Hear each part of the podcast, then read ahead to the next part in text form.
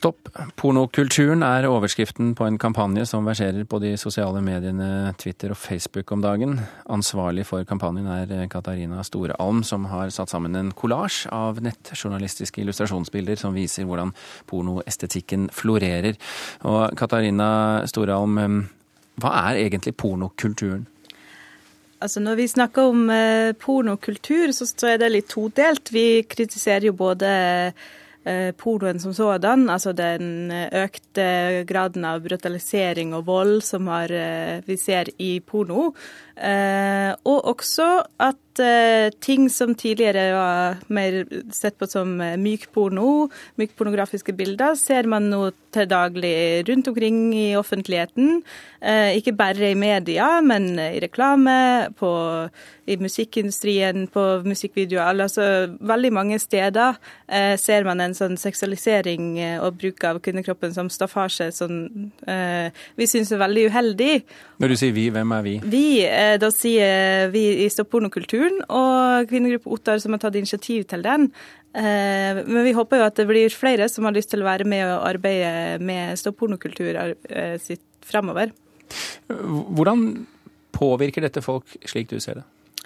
Det påvirker på veldig mange måter. Det påvirker folk sitt eh, selvbilde. Altså I Oslo så har vi jo Jeg leste i NRK her 15. Eh, mars at 15 eh, av 17-årige jenter er undervektige.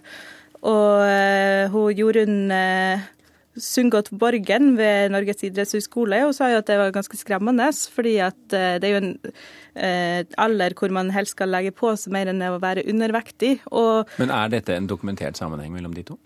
Eh, det er jo en påstand, men eh, jeg påstår at man ikke velger å sulte seg fordi at man har en naturlig Altså det er jo fordi at man gjerne vil leve opp til et kroppsideal og et utseende som, som man har sett et sted. Og sånn som det ser ut nå, så ser man dette kroppsidealet veldig mange steder.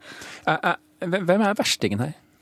Verstingene, eh, det er jo ganske mange. Altså, når, jeg tenker jo både på uh, musikkindustrien, sånn som hiphop og, og, og rap er jo veldig på å bruke denne type pornokultur. Men hvis vi skal se i Norge, da, den type, så, så syns jeg jo at eh, Dagbladet er en spydspiss for pornokulturen i, i Norge, norsk offentlighet, fordi at de bruker såpass mye av den uh, de eh, bildene og den pornoestetikken for å kunne selge inn eh, til å bruke Vi er jo ute etter klikk, selvfølgelig, eller å, de putter det på forsida. Og der har jo VG også en, eh, en del eksempler på at man vil selge avis ved å bruke nakne eller lettkledde damer.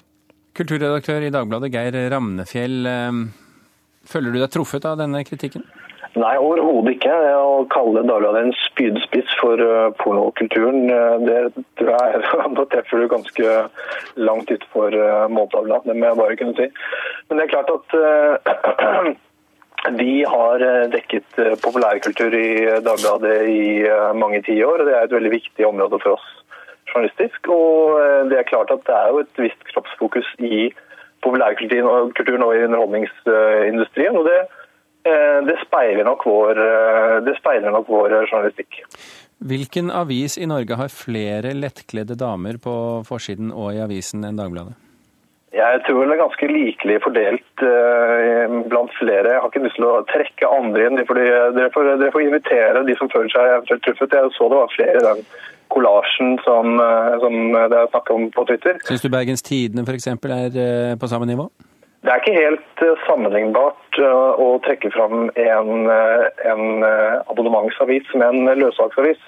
En løssalgsavis har en litt annen redaksjonell profil som, som også gjenspeiler seg i dekninga av underholdningskultur generelt, da, som også vi tar på mye større alvor, som vi dekker på eh, flere måter enn mange andre, eh, mange andre medier. Og Det gir seg utslag i både at vi har en sterkere vektlegging på underholdningskultur eh, av den enklere sorten, og at vi har en eh, debatt og en meningsjournalistikk rundt underholdningskultur som vi også er stolt av. Ser du noen, og, nå snakker vi ikke om Dagbladet spesielt, men, men uh, dette begrepet pornokulturen generelt. Uh, ser du at det er en økning i, i trykket på det norske folk hva angår bilder av nakne kvinner og menn som viser seg frem? Det er jo ikke en økning i trykket på det norske folk når det gjelder medieinntrykk generelt de siste 10-15 årene. med med nettet. Det er klart at vi konsumerer mye mer eh, daglig enn det vi gjorde tidligere. Eh, dermed så kan det kanskje framstå som eh, et større trykk enn tidligere, men jeg tror vel ikke at det sånn, sånn forholdsmessig er noe større trykk nå enn det var tidligere. Vi har også med oss i studio her på Marienlyst professor i mediekunnskap Helge Rønning. Vil du si at pornoestetikken er blitt en del av allmennkulturen? Jeg liker ikke det begrepet pornoestetikk. Jeg mener at uh, seksualisering er blitt en del av uh, allmennkulturen, og man kan si at uh, det er et nyhetskriterium som heter sex i seg selv, og som jo ikke nødvendigvis bare består av nakne mennesker, men som er en interesse for dette området av menneskelivet og sosial, det sosiale liv. Og Det tror jeg vi ser, men det har jo også ført til da en mye større grad av åpenhet rundt det.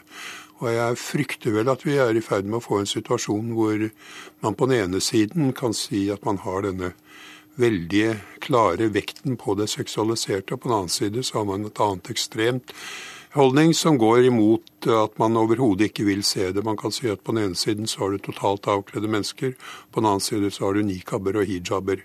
Og det er vel etter min mening to ekstremer som er i ferd med å komme, og de er ikke nødvendigvis knyttet opp mot islam på den ene siden og antireligiøsitet på den annen side, men det er en form for moralisme som jeg oppfatter som problematisk. Men henger de sammen?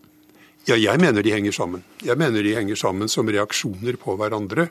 Og jeg tror eh, også at det er interessant hvis vi prøver å se på hvilke kulturuttrykk er det som er såkalt seksualiserte, så er vel en av de sterkeste seksualiserte kulturuttrykkene Det finnes vel i gay-kulturen, i homsekulturen, som veldig mye spiller på det seksualiserte. Og det gjør de jo også som en protest mot at denne typen seksualitet er blitt undertrykt gjennom så mange hundrede år.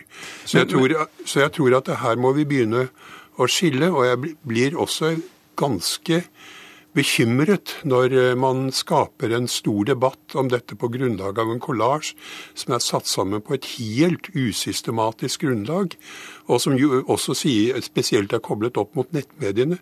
Og nettmediene har jo et problem her, for nettmediene har en, etikk og en estetikk som er uklar på dette feltet som så på mange andre felter.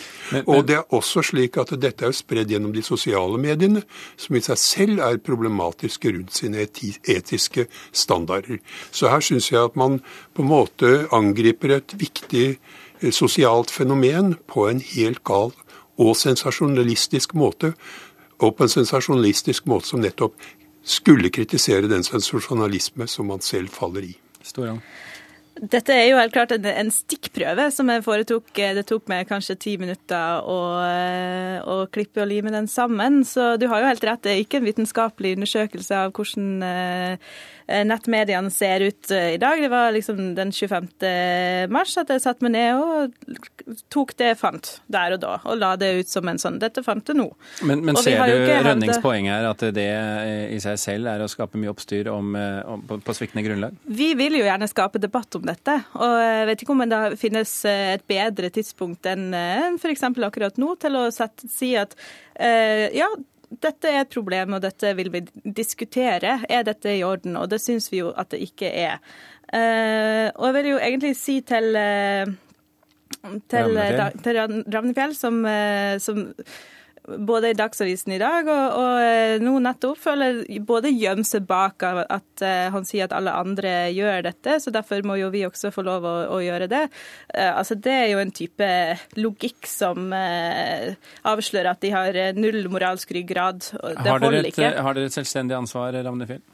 Ja, selvfølgelig. Og vi foretar jo vurderinger og prioriteringer hver eneste dag i forhold til hvilke saker vi skal publisere og hvordan vi skal publisere. Vi har blant annet et veldig, eh, veldig, bevisst forhold til bruk av, eh, eller ikke bruk av eh, fortynnende modeller, som vi, som vi bevisst siler ut.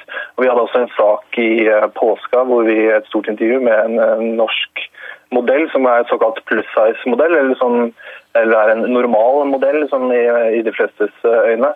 Så vi tar helt klart kroppsfokus og kropps,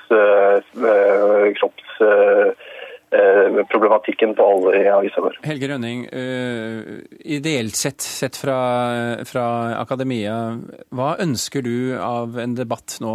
Hva konkret skal den inneholde?